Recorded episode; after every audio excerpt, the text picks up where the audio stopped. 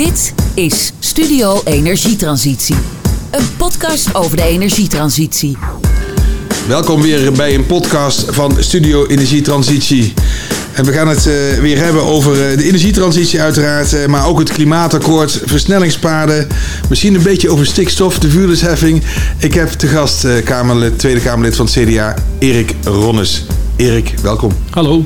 Zo, ja, je hoort het al, uh, stikstof, uh, we hadden het er net even over. Ja. Het, het, is wel een, uh, het is wel een high, high potential item overal ja, het in legt. Gewoon, het legt gewoon heel veel stil, dus het impact is enorm. Ja, wordt er veel gevraagd naar jouw mening? Ja, uh, het is hot, hot topic. En uh, je ziet dat dit gewoon ook het publieke debat uh, bepaalt als het gaat om de bouw. Niet alleen de bouw van woningen, maar ook infrastructuur. ja, de discussie in de landbouw natuurlijk, luchtvaart. heel breed. Erik, je bent nu tweede termijn Tweede Kamerlid landelijk voor het CDA. Klopt. En wat is jouw, jouw focusgebieden? Mijn focusgebieden zijn wonen, uh, volkshuisvesting in de brede zin, uh, de ruimtelijke ordening. Uh, wat daar met name speelt is de ontwikkeling van de nieuwe omgevingswet, maar ook een aantal andere aspecten. en de financiële markten, het toezicht op banken, de bankensector, verzekeringssector, accountancy-sector en alle regelgeving die daarmee samenhangt. Als je dat dan een beetje samenvat en het klimaatakkoord, dan is dat iets waar, waar je continu mee bezig bent geweest de afgelopen jaar. Uh, ja, dat klopt. Uh, uh, het klimaatakkoord heeft natuurlijk verbinding met heel veel beleidsterreinen, maar zeker als het gaat om, om, het, om het onderdeel wonen, ja, heel prominent. Nu kom jij uit het land van Kuik, dus ja. aan Oost-Nederland. Um, hoe zie, ziet jouw werkdag eruit? Ben je vaak in Den Haag? Ja, ik ben dinsdag, woensdag, donderdag per definitie altijd in Den Haag, uh, uitgezonderd de recessen. Um, en ik probeer altijd de maandagen en de vrijdagen van huis uit uh, de werkbezoeken te doen, uh, het land in te trekken. zodat je ook het balans, dat je ook nog thuis wel eens zichtbaar bent. ik heb twee kinderen van 14 en van 10 en een vrouw, dus die wil ik ook nog wel eens zien. Dus, en die, die match, ik bedoel, daar hebben we een goede balans in gevonden en dat gaat goed. Je bent niet uh, de man die zondag het uh, vlees aansnijdt. Nee, ik ben er gewoon uh, de papa en de man. Ja. Als je even terugkijkt, want je, ben, je bent al langer in de politiek, lokale politiek. Was dat een droom van jou om, om landelijke politiek terecht te komen? Nou, het, het, zat helemaal niet in mijn, in mijn vergezicht van nou, Tweede Kamer, landelijke volksvertegenwoordiging. Het is echt zo gegroeid. Die, die trein die kwam voorbij op het moment dat ik gevraagd werd vanuit de CDA-provincie van Erik, zou jij je niet willen kandideren om, om op die kandidatenlijst te staan? En ja, van het een komt het ander. Uh, en ik ben uh, in die Tweede Kamer terechtgekomen. En ik moet zeggen, het is anders als het lokale bestuur, het wethouderschap. Daar zit je wat dichter bij de mensen en kun je wat directer oplossingen aandragen en ook dingen in gang zetten. maar ja, volks, de volksvertegenwoordiging landelijk is natuurlijk wel dat je de dingen uit onze regio meeneemt. De regio Land van Kuik en verdere omstreken naar Den Haag. En dat is hard nodig, want uh, Randstad is toch net even wat anders dan het landelijk gebied. Nou lijkt het alsof uh, Limburg en Brabant uh, populair wordt, want iedereen zegt altijd van nou daar gebeurt het, daar doen ze het. Ja. Uh, wordt dat ook zo ervaren in Den Haag? Nou, daar moet echt voor gevochten worden. Wij hebben als CDA hebben wij de, de, de regio Eindhoven, hè, toch ja, bij ieder bekend van wat er allemaal zich afspeelt op, op... Slimste regio van het land. Op, op economisch terrein en hoe het zich ontwikkelt. we hebben daarvoor moeten vechten om het als mainport aangemerkt te krijgen. Dus dat het de status krijgt van Amsterdam, Rotterdam. En uh, dat is gelukt. Dus ook als je ziet in die omgevingswet heb je te maken met de nationale, nationale omgevingsvisie. En zie je ook hoe grote gebieden zich ontwikkelen in Nederland. En hebben wij ook Eindhoven gelijk, gelijk weten te schakelen met de regio Amsterdam en Rotterdam. En ik vind dat een hele belangrijke stap, want dat betekent dat je ook aan kunt haken met landelijke Europese ontwikkelingen. Even nog over jouw persoonlijke ontwikkeling, want je bent nu tweede termijn Kamerlid. Is het heel veel anders dan wat je verwacht had? Nou, ik, ik heb natuurlijk veel meegekregen van de politiek. Ik heb, uh, het is niet zo wat de, dat ik nu erg verrast ben. Uh, wat gewoon wel blijft is dat of dat je nu lokaal politiek bedrijft of landelijk, het blijft mensenwerk. Je zult draagvlak voor je ideeën moeten krijgen. Je zult vertrouwen bij mensen moeten krijgen. Uh, je zult ook moeten laten zien dat je verstand van zaken hebt. En uh, uh, ja, wat dat betreft is, voldoet het wel aan de, de verwachtingen. Um, maar ja, je staat elke dag in de spotlight. Het Den Haag-verhaal is iets wat als je het binnenhof binnenkomt lopen, dan staan de eerste camera's al te draaien. En alles, ja, alles wordt heel zichtbaar. En dat is goed, maar dat is wel een andere werkomgeving. Ja. ben, je, ben je daar handig in? Want als ik eh, kijk naar moties en uh, amendementen, ja. uh, je krijgt geregeld draagvlak ook van de oppositie. Dus hoe doe je dat? Nou ja, dat is, daar gaat het om dat je, dat je dus zaken op de inhoud beoordeelt. En dat je niet alleen kijkt van ja, dit is de coalitie, dus we moeten met een coalitie altijd de voorstellen ehm, erdoor krijgen. Nee, je moet kijken van wat is goed voor de maatschappij, wat is goed voor, voor de, de mensen in Nederland. Uh, en ja, de ene keer is dat met een linkse partij en de andere keer met een rechtse partij. Nu ben je uh, betrokken geweest uh, bij het klimaatakkoord. nou, ja. dat, is, dat gaat nu een werking komen. Ja. Wat, wat, wat vind jij het meest belangrijkste uh, qua resultaten van het klimaatakkoord? Ja, wat ik, uh, kijk, iedereen is er wel over eens dat uh, een aantal mensen uitgezonderd, maar iedereen is er over eens dat er iets moet gebeuren. met dat klimaatakkoord, de handtekening in Parijs en het klimaatakkoord is ook echt gezegd van, nou, dit gaan wij doen met elkaar. Uh, maar wij moeten in Nederland zorgen dat iedereen mee kan komen. En uh, we hebben bijvoorbeeld uh, recentelijk, gisteren heb ik nog een debat gehad met de minister Longeren over bijvoorbeeld ehm, de stijgende huurprijzen. En die huursector, de mensen met de smalle beurs, als je daar gaat schakelen aan energienota's, moet je wel zeker stellen dat niet die, die, die, die, die woonlasten de pan uitreizen. Dus ja, wij moeten zorgen dat iedereen dat ook mee kan maken. Ja, ik ben zelf betrokken bij een experiment met, uh, met makelaars om te kijken of je op mutatiemoment kan verduurzamen. Ja. Maar uh, als ik de makelaars hier in uh, regio de Bos hoor, dan zeggen ze ja, het gaat als zoete broodjes gaan de woningen weg.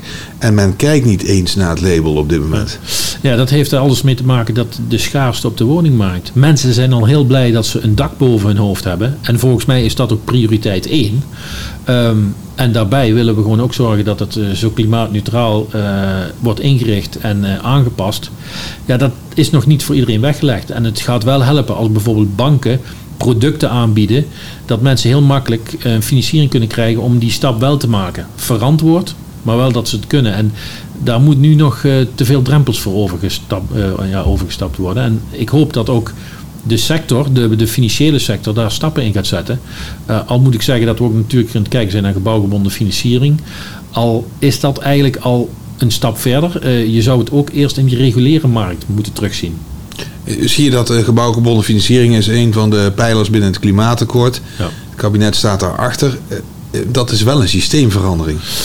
Ja, maar het is niet zo dat morgen dat iedereen moet gaan doen. Dat is met name bedoeld voor die plekken waar het met de reguliere, reguliere middelen niet werkt. En als ik nu een voorbeeld pak dat iemand een, eh, een, eh, een eigen woning heeft en hij heeft de helft van zijn hypotheek afgelost, dan is het vaak veel beter dat hij makkelijk een aanvullende financiering bij zijn eigen bank kan krijgen, als dat hij daar allerlei andere uh, constructies voor gaat bedenken. Het voordeel daarbij is, als dat voor woningverbetering is, is dat nog ook nu nog fiscaal aftrekbaar, omdat het gewoon uh, woningverbetering is wat onder de huidige regeling valt. Uh, en banken kunnen gewoon ook goede rentepercentages geven. En als dat tegen goede voorwaarden gebeurt, zonder dat er heel veel kosten mee gemoeid zijn, denk ik dat daar ook veel te winnen is. En ik zie ook wel in de bankensector dat men daar nu aan het werk is. Ik vind het jammer dat ze er niet eerder mee zijn begonnen. Want we wisten het twee jaar geleden ook al. Dat had gewoon klaar moeten staan. Uh, maar de beweging zit erin. En uh, ik heb er wel vertrouwen in dat die beweging de goede kant uit gaat. De koplopers vinden de instrumenten wel. Hè? De mensen die uh, aan de slag willen gaan. Ja. Maar ja, de massa die heeft toch wel een incentive nodig. Ja. Ja, ik, ik zit toch te wachten op de grote systeemverandering. Hoe kijk jij daar tegenaan? Ja, en uh, uh, dat zal ook uh, moeten blijken uit, uit het programma waar het kabinet mee gaat komen. eind dit jaar verwacht men zeg maar, het, het, het, schema wat meer ingevuld te hebben van wat komt er, wanneer komt het, wanneer kunnen mensen dingen verwachten. Ehm, de grote onzekerheid is dat als mensen nu iets moeten doen, dat nog niet zeker is hoe die regeling er over een half jaar of over een jaar uitziet. Dus het is ook een zaak dat de overheid, zowel landelijk als lokaal, zekerheid gaat geven. Hoe ziet die regeling er nu uit in de komende jaren? En dat is een belangrijke stap die genomen moet worden om die massa aan het bewegen te krijgen. Zou je eh, Chinese afspraken kunnen maken, dus voor 30 jaar met, uh, tussen overheid en uh, publiek? Nou ja, uh, we leven in een democratisch land en... Uh, um, daar ben je toch wel blij mee? daar ben ik heel blij mee. En, dus ik vind ook dat dat moet blijven. ik denk wel dat als we naar 2050 kijken... kun je niet elke vier jaar maar wisselen van, van, van richtingen. Je zult daar gewoon een lijn in moeten kiezen. Waarbij ik wel zeg, uh, in die 30 jaar kunnen er heel veel innovaties nog ontstaan. Hè, verbeteringen. Die ook wel eens noodzaak maken dat je een systeem aanpast. En die mogelijkheid moeten we openhouden. Maar geef mensen wel duidelijkheid. Zeker op die middellange termijn van, van 10, 15 jaar. Waarin toch de grote veranderingen ook financieel gedekt moeten worden. Dan heb ik een aantal politieke periodes meegemaakt binnen de energietransitie. En ik, eh, voor mijn gevoel is 2020 moet je gewoon zaken doen met elkaar. Hmm. Want daarna dan wordt het weer een beetje politiek. Gaat het weer richting de verkiezingen. Uh, ja, maar ik hoop wel dat uh, je ziet dat het klimaatakkoord uh, toch ook wel politiek breed gedragen was in Den Haag. En ik denk dat die kern ook wel overeind blijft. Je hebt altijd nuances daarin. maar de grote lijn, de doelstelling die daar staat, die staat daar. En de regelingen die er zijn, die moeten gewoon ook lange termijn zijn. En we moeten tussen nu en 2020 en 2030 moeten we mensen ook zekerheid geven wat, wat men kan verwachten. Dames en heren, je kijkt naar Studio Energietransitie met Erik Ronnes, Tweede Kamerlid voor het CDA en woordvoerder onder andere wonen. Ik wil graag meer weten zo direct van Erik uh, hoe het zit met de verhuurdersheffing, of we daar iets mee kunnen. Eerst even dit. Studio Energietransitie. Ja, de verhuurdersheffing, dat is, het is wel een dingetje aan het worden. Uh, ja, nou ja, een dingetje. Het is, het is een bestaand gegeven bij woningcorporaties. Um, er wordt heel veel gesproken van, ja, wat, wat, ga je daar, wat zou je daarmee kunnen gaan doen? Mhm. Uh, laatst uh, hoorde ik een van de bestuurders van een grote corporatie in, uh, in Oost-Brabant, die zegt van nou, zet een deel in voor innovatie, waar we mm. ook ehm, speelruimte krijgen om, om, om zelf innovatie te financieren. Ja, dit, dit, is het grote dilemma. De, de, de corporaties worden toch als een grote uh, startmotor gezien uh, van die hele transitie. Uh, en het feit is gewoon dat corporaties op dit moment te maken hebben met een enorme stijging in hun lasten, belastingdruk. Hè? Dus de verhuurdersheffing neemt toe.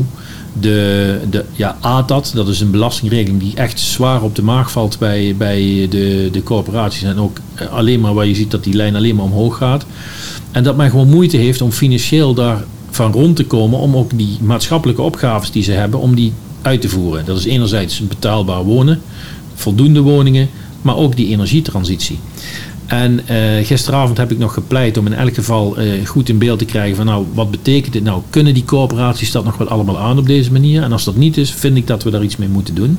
Want juist dat geld van die verhuurderheffing, als dat terug die woningmarkt ingaat, kan dat als een als een versterkende uh, motor, een sneeuwbaleffect, kan uh, zijn voor de ontwikkelingen die we moeten krijgen. Dus voor een deel gebeurt het natuurlijk al. We hebben al we kennen al aftrekmogelijkheden van de uh, verhuurvermindering waar corporaties aanspraak op kunnen maken. Dat is nog maar een klein potje. Ze kunnen dat zelf, uh, ja, maar we moeten niet vergeten bij de afgelopen algemene financiële beschouwingen heeft het kabinet bekendgemaakt dat er 1 miljard beschikbaar komt voor de corporaties die zij kunnen gebruiken, onder andere voor nieuwbouw. en dat betekent dat ze ook meer financiële slagkracht hebben om te investeren in verduurzaming. Dat kunnen ze nu gaan doen. En ja, partijen zeggen wel eens, ja, het is maar 1 miljard. Maar met 1 miljard, uh, daar kan heel veel mee gebeuren. Ik eh, sprak van de week uh, Margriet Drijver, uh, boekbeeld van de renovatie versnellen. En ze zegt van ja, ehm, we hebben het redelijk op de rit als het over nieuwbouw gaat. Hè. Dus conceptuele pakketjes, ehm, ook de, de transitie en de samenwerking tussen verschillende partijen. Maar ja, ehm, nieuwbouw, ja, 50, 60, 70, 80.000 woningen. Ja. Uh, in hoogtijdagen hebben we 1970, 150.000 woningen gerenoveerd. Ja, en we hebben er uh, nogal wat aan te pakken. Duizend per dag. Nou, dat is, dat is een enorme opgave. Is enorm. Dus je moet ook, uh, je zult ook 80-20 regels toe moeten passen. Dat wat je met relatief weinig moeite kunt pakken dat je dat ook doet. Dus isoleren, hè? Dat is de eerste stap. Kijken of dat je energieopwekking lokaal met zonnepanelen, noem maar op, dat je daar wat mee kunt doen. dat zijn wel de eerste stappen die niet het hele huis strippen betekenen. Eh, daarmee kun je al je eerste winst maken. We kunnen niet alles op één dag doen. Doe dat dan op het moment dat die huizen over 30 jaar echt aan vervanging toe zijn. Kun je ze dan, eh, doe je nu de eerste 80% en dan vervolgens doe je vervolgens het laatste restje door, als die echt eh, niet meer gebruikt kan worden, dan strip je dat huis of je sloopt het en je bouwt nieuw. Dus we moeten daar echt slim mee omgaan. En dat is natuurlijk in een stedelijke omgeving met grote wijken, met dezelfde type woningen, is dat heel iets anders dan het platteland, wat hele grote diversiteit aan, aan huizen kent. En uh, we moeten beginnen. We moeten beginnen. Ik denk dat we niet te lang moeten praten met elkaar van uh, uh, over hoe gaan we het doen. We moeten ook gewoon aan de slag. Ja, dat betekent dus dat je experimenteerruimte moet hebben. En volgens mij heeft het kabinet daar ook al een uitspraak over gedaan. Ja. We, we, gaan ook geld allokeren waar we niet, niet precies weten wat, wat we ermee gaan doen. Maar we moeten gewoon gaan testen. Ja. Het is wel heel erg interessant wat je zegt, uh, want dat uh, testen, je, je merkt uh, in het, het organiseren, het verbinden en ondernemen. Ondernemen zeggen, zegt het kabinet vaak, ook, maar ook het Rijk, dat moet uit de markt komen. Maar het organiseren, is dat niet iets nog een tijdje voor de overheid of voor de Rijksoverheid? Nou ja, ik denk dat in deze, deze fase dat overheid, eh, ondernemers, maar ook maatschappelijke instellingen die daarbij betrokken zijn, echt goed de handen in elkaar moeten slaan. Het is niet iets van jij moet dit doen of jij moet dit doen. Dit moeten wij met elkaar doen. Uh, ook lokale overheden met de energieloketten, de inrichting daarvan, weten dat mensen ergens aan kunnen kloppen. Ja, daar, moet, daar moeten we gewoon energie in steken. En dat is niet een zaak van een partij, dat is een zaak van ons allemaal. Uh, dus die samenwerking moeten we echt een boost geven. Uh, ja, en het Rijk kan er af en toe de regie, de regie in pakken. Is dat ook iets wat we kunnen verwachten de komende tijd? Uh, ja, ik denk zeker dat, dat vanuit het Rijk daar ook de teugels in de handen worden gepakt. Zeker. maar we zullen ook we zullen gewoon de hulp van iedereen nodig hebben om dat te bewerkstelligen. we noemden net de coöperatiesector, maar ook de, de, de bouwsector. Uh, de innovatie in de bouwsector, voldoende mensen in de bouw. Uh, hebben we de kennis en kunde aan boord om al dat werk te doen? Ja, het zijn hele, uh, hele makkelijke vragen, maar wel het antwoord is nog niet zo makkelijk. Zeker niet in deze tijd dat vaklui niet voor het oprapen liggen.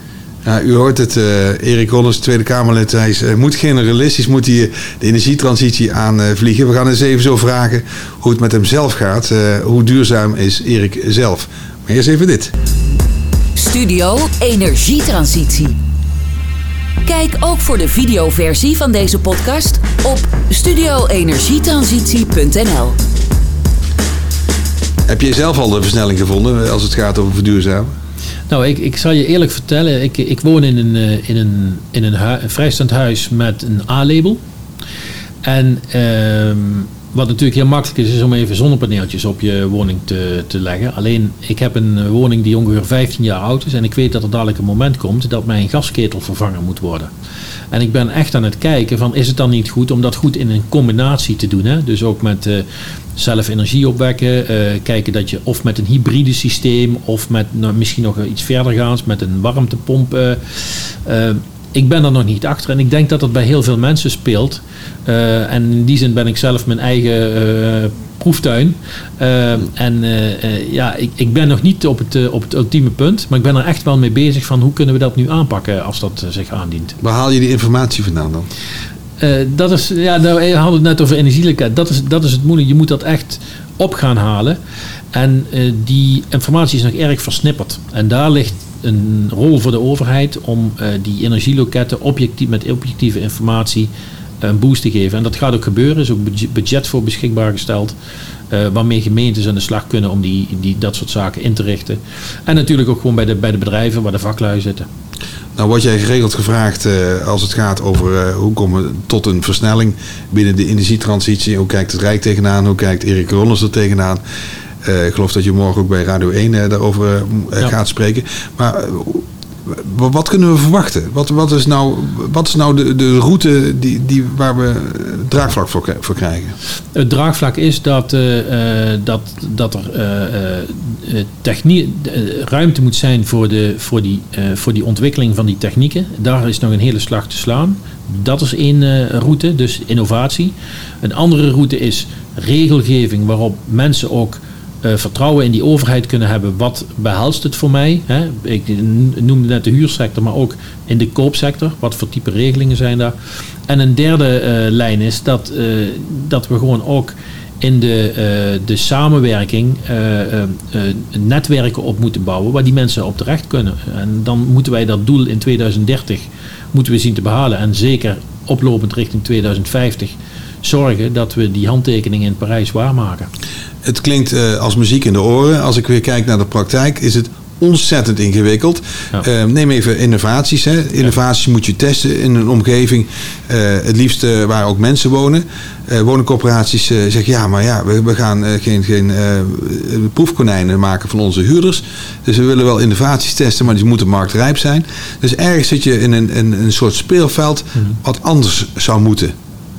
Enig idee? Wat, kunnen... nou, nou ik, ik, ik ben met je eens, die speelruimte die moet daar komen. Ja. Er moet innovatieruimte komen. Als regels blokkeren om iets uit te proberen, moeten we met elkaar afstemmen. Is het verantwoord om die, uh, die, in, die, die test om dat in te gaan? En dan moeten we dat met elkaar gewoon durven. Uh, we moeten daar wel de schaal van in de gaten houden. Het moet niet uit de hand lopen dat we dadelijk een heleboel problemen hebben. Ik, ik, je, ziet ook wel voorbeelden in het land waar het misgaat en dan moet het te repareren zijn. Daar moeten we met elkaar ook naar kijken. Hoe kunnen we innovaties die mislukken, dat we niet de individuele uh, mensen daarvan de dupe laten zijn, maar los dat dan als organisatie ook op. Als we dat soort dingen doen, dan denk ik ook dat die ruimte ontstaat om eens een keer die teugels te laten vieren. En te zeggen van nou, laten we dit via die andere boeg proberen. Uh, zonder dat dat schade doet aan het leefklimaat van die mensen. Dan mag ik een pleidooi doen, want uh, system integrating aan de markt, daar geloof ik in. En uh, daar, je ziet bouwen Nederland en techniek. Nederland zie je elkaar al tegemoet komen. Maar aan de overheidskant, je hebt het ministerie van Financiën met mm. regeltjes en, en spelregeltjes en wet en regelgeving. En aan de andere kant BZK met de proeftuinen. Is, ja. is, is, is daar ook nog wel wat in, in te vinden in die samenwerking tussen de twee ministeries? Ja, nou goed, de samenwerking van ministeries kan altijd beter. Kan altijd beter. Maar uh, de, de, de aanpak van het klimaatakkoord uh, uh, dwingt ook wel om die samenwerking te versterken. Want het is gewoon nodig dat je begrijpt waar het over gaat. En je ziet ook op die ministeries, hè, uh, bij financiën zitten de boekhouders, zeg ik maar. En bij BZK zitten ook een aantal mensen die, die weten hoe dat in de praktijk werkt. En dat moeten we met elkaar zien te verbinden. En uh, ik denk dat daar voordelen uit te halen zijn. Dat is een rol uh, die je ook onder andere hebt als woordvoerder. Ik zal daar zeker op blijven duwen dat we die, die, dat de maatwerk en die aanpassingen die nodig zijn, dat we die ook gaan realiseren. We gaan naar de laatste paar minuutjes en we hebben wat stellingen. Nou, dan komt er eentje. Sociaal of liberaal? gemeen, hè? nou ja, dat is, dat is, heel gemeen. Dat is heel gemeen. Ik kreeg gisteren het verwijt dat het CDA linksaf ging hè, met, in een debat wat ik had. Nou, ik, eh, als we helemaal rechts, als die man of vrouw zou denken dat we helemaal rechts zouden zitten, dat we een beetje naar dat midden zouden gaan, dat vind ik prima. Uh, ergens in het midden, dus precies ertussenin. Ja, jullie zijn een beetje de, uh, de kwartiermakers, zeg maar, tussen links en rechts. Ja, ja. en dat wil ik ook graag zo houden. Ja. Nou, dat is ook wel, ben ik ook wel nieuwsgierig. Achter de schermen of voor de schermen? Um, um, voor de schermen is, uh, is prima, maar als uh, het doel beter gediend is om het achter de schermen te doen, ben ik ook bereid om die rol te vervullen. Ja, je hoeft niet per se in de picture te staan, begrijp ik. Het gaat mij om datgene te bereiken waarvoor wij in die politiek, in die volksvertegenwoordiging zitten. En als het via het ene kan, doe ik het via het ene en anders via het andere. Oké, dat is heel helder. Kleine... Al, moeten, al moeten wij als politici wel zichtbaar zijn natuurlijk, zo werkt het ook. Ja, ook voor je achterban natuurlijk. Ja. En bereikbaar ook. Ja. ja. Kleine stapjes of systeemverandering? Um, ik denk dat wij niet bang moeten zijn voor systeemveranderingen. Uh, ik denk ook wel dat we op moeten letten dat we niet systeemveranderingen als oplossing voor alle problemen zien. Uh, sommige, uh, sommige veranderingen zijn nu eenmaal lastig. En een ander systeem wil niet altijd zeggen dat het dan beter gaat. Dus maatwerk maatwerk. We zijn aan het einde gekomen van uh, deze podcast. Wil je nog iets kwijt?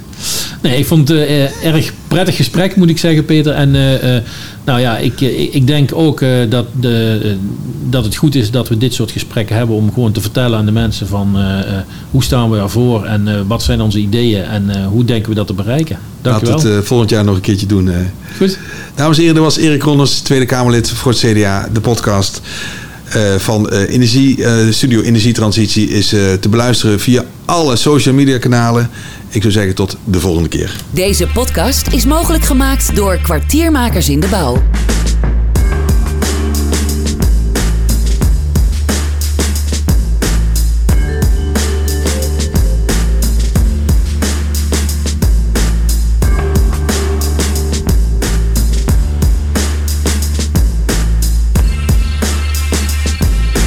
Weten over de achtergronden van deze podcast? Kijk dan op studioenergietransitie.nl.